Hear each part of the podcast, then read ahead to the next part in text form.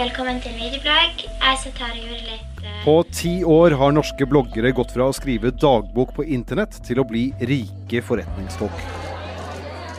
Ifølge anslag kommer denne influenserbransjen til å omsette for nesten 350 millioner kroner i år, og de har lenge fått kritikk for å være usunne forbilder. Men nå har en prisutdeling satt fart på debatten, og influenserne får kritikk av sine egne. Helt seriøst, hva faen er det vi holder på med? Er påvirkebransjen i ferd med å ta seg selv i ørene? Dette er forklart fra Aftenposten. Jeg heter Kristoffer Rønneberg. Det er tirsdag 11. februar.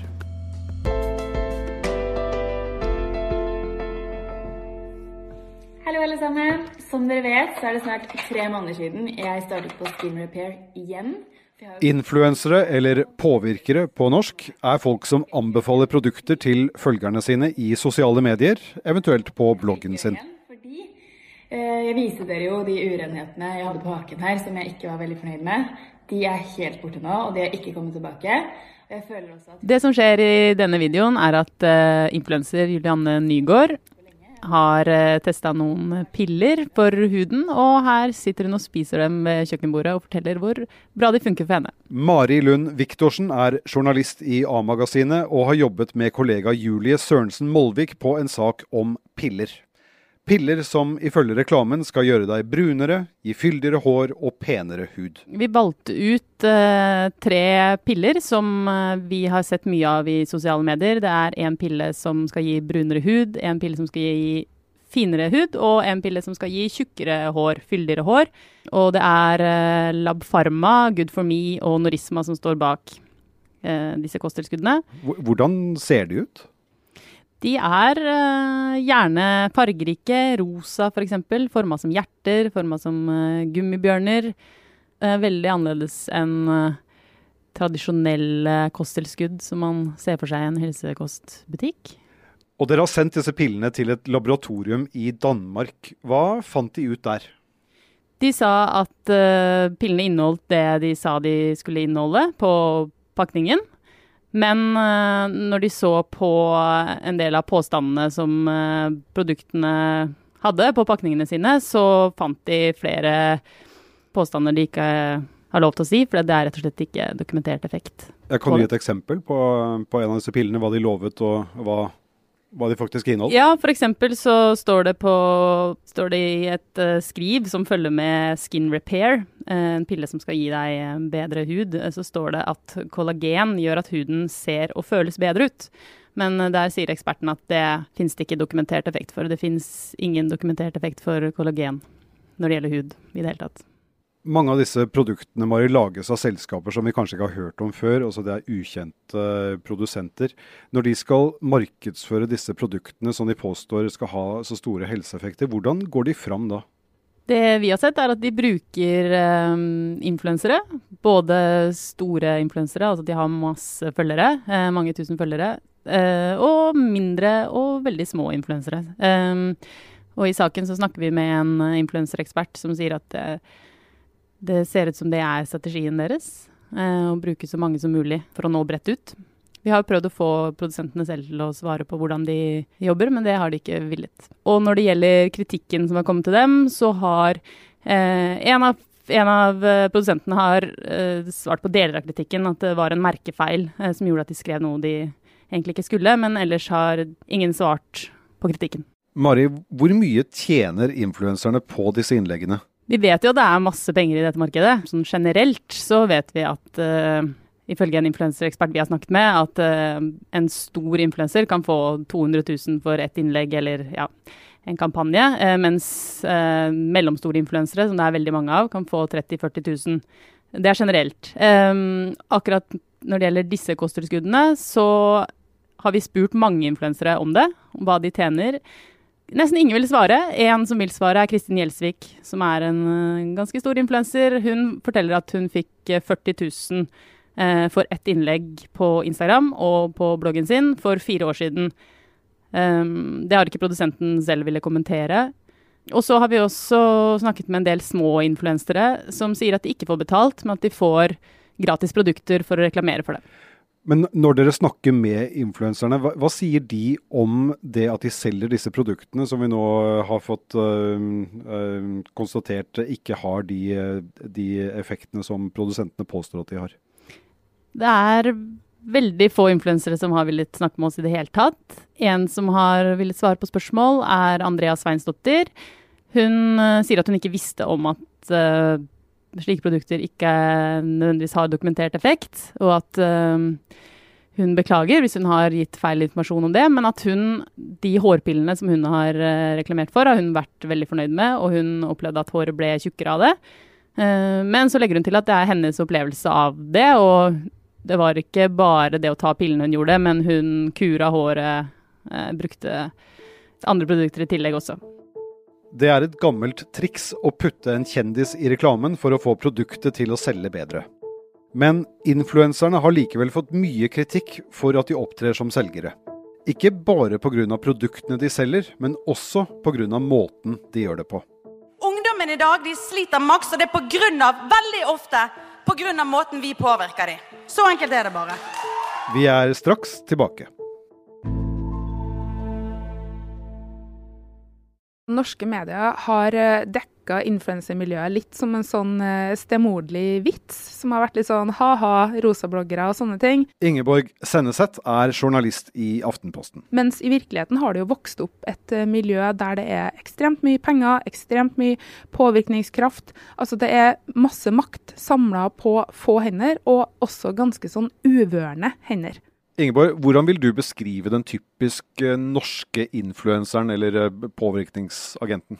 Den typiske norske influenseren er nesten umulig å definere i dag. Altså, Det er lett å tenke på det som en rosa blogger som vi vet skriver om sminke og utseende, men sånn er det ikke lenger. Du har dem innenfor ulike felter, innenfor helse, interiør, mote, politikk for den saks skyld.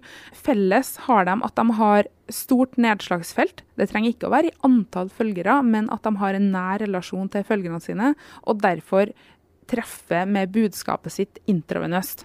Hvordan er denne bransjen satt sammen, Ingeborg?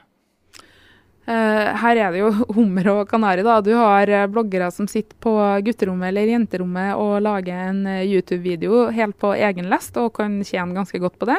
ellers så har du folk som har drevet på lenge og som har fått et management, som heter da. Da er det et byrå som kanskje styrer bookinga di, som styrer annonsene dine, som er involvert i de avtalene du gjør.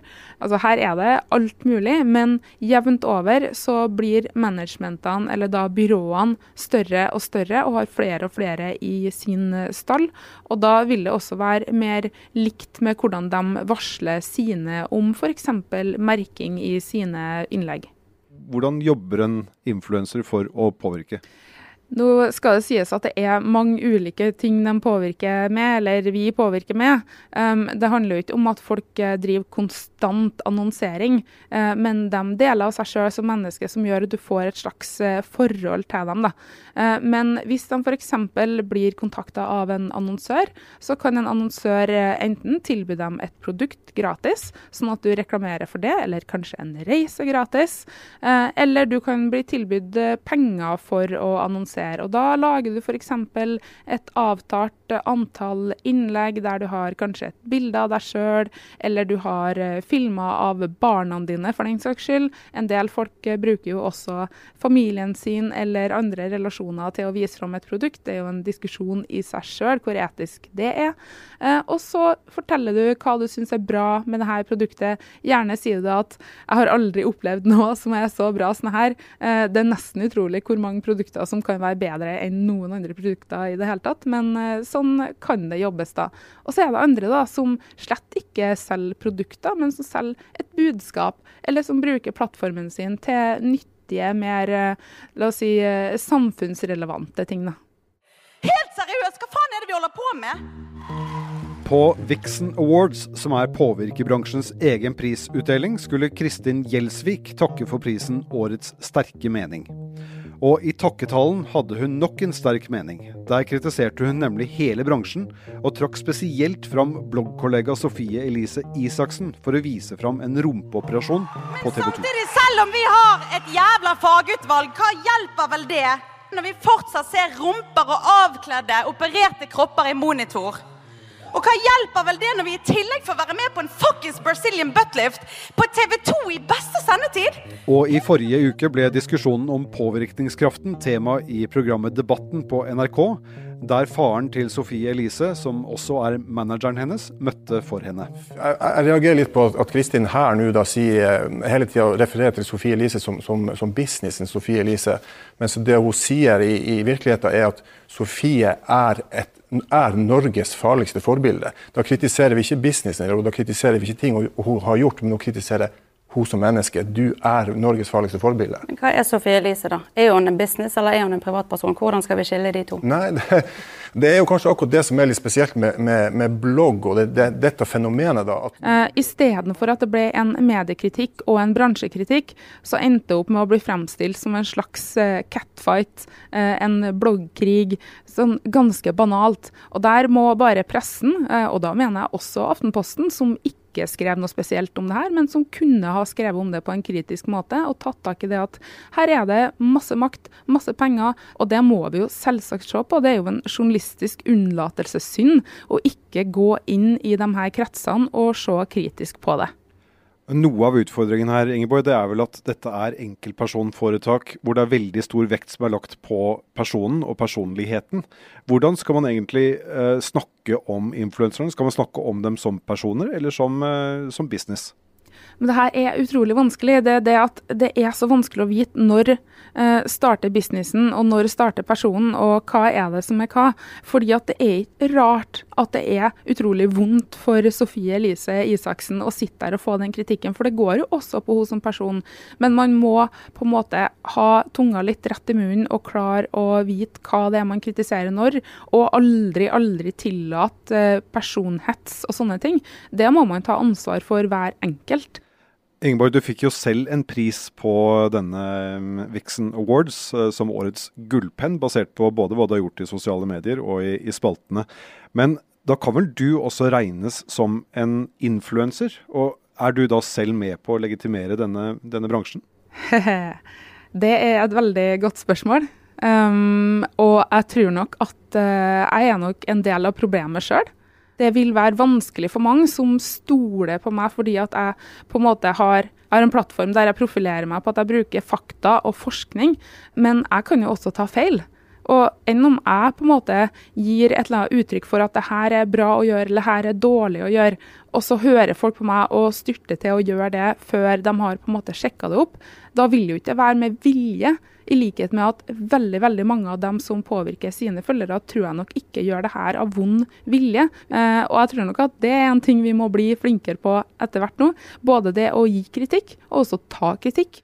Vi har sett andre eksempler på blog bloggere, influensere, påvirkere som har tatt selvkritikk, bl.a.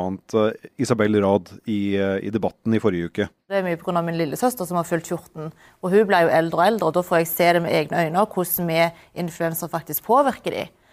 Og da våkna jeg opp og var sånn Vil jeg virkelig være et dårlig forbilde for unge jenter som min lillesøster, f.eks.? Og det ville jeg ikke. Hvordan ser du på måten Rad og andre har snakket om virket sitt og det å kunne ta feil eh, nå den siste tiden? Den siste tida så opplever jeg at debatten har vært litt mer voksen. Uh, og det syns jeg er utmerket å se. Det virker som at bransjen forsøker å profesjonalisere seg sjøl. Ser du andre tegn Ingeborg, til at denne bransjen er i, i endring og kanskje blir mer regulert? Uh, den bransjen her trenger jo på en måte ikke å forholde seg til så mye regelverk som f.eks. pressen gjør. De trenger ikke å forholde seg til redaktørplakaten eller Vær varsom-plakaten. Som er det... vårt uh, etiske uh, reglement, eller vårt, de grunnprinsippene vi følger i, i, pressen? Ja, og det f.eks. hvis vi skal gi hard kritikk til noen, så varsler vi dem på forhånd. Eh, og det er en veldig god måte å gi kritikk på. Eh, det litt motsatte skjedde jo f.eks. da med Kristin Gjelsvik og Sofie Elise Isaksen, som jo da våkna til en storm. Eh, det lønner seg ikke for god debatt. Du har jo også Forbrukertilsynet, og du har markedsføringsloven, sånne ting. Men man skal komme på det at juridisk eller regelverk, det er bare sølv. Det viktigste her er at vi får til kritisk tenkning blant unge som får det her inn gjennom håndflata hver eneste dag. Det vil komme nye produkter, nye tilbydere og nye influensere, og det vil alltid være ikke minst et internasjonalt marked. Og da hjelper ikke det om vi på en måte rammer inn våre egne i et stramt regelverk. Det viktigste er motstandsdyktighet blant de unge. At vi snakker om hvordan blir du lurt. Hvordan selger folk ting til deg? Hvordan er du den eh, kunden som du tenker sjøl at du kanskje er en venn? Når er du venn, når er du kunde, når er du følger, når er du den som skal betale lønna til et management et sted?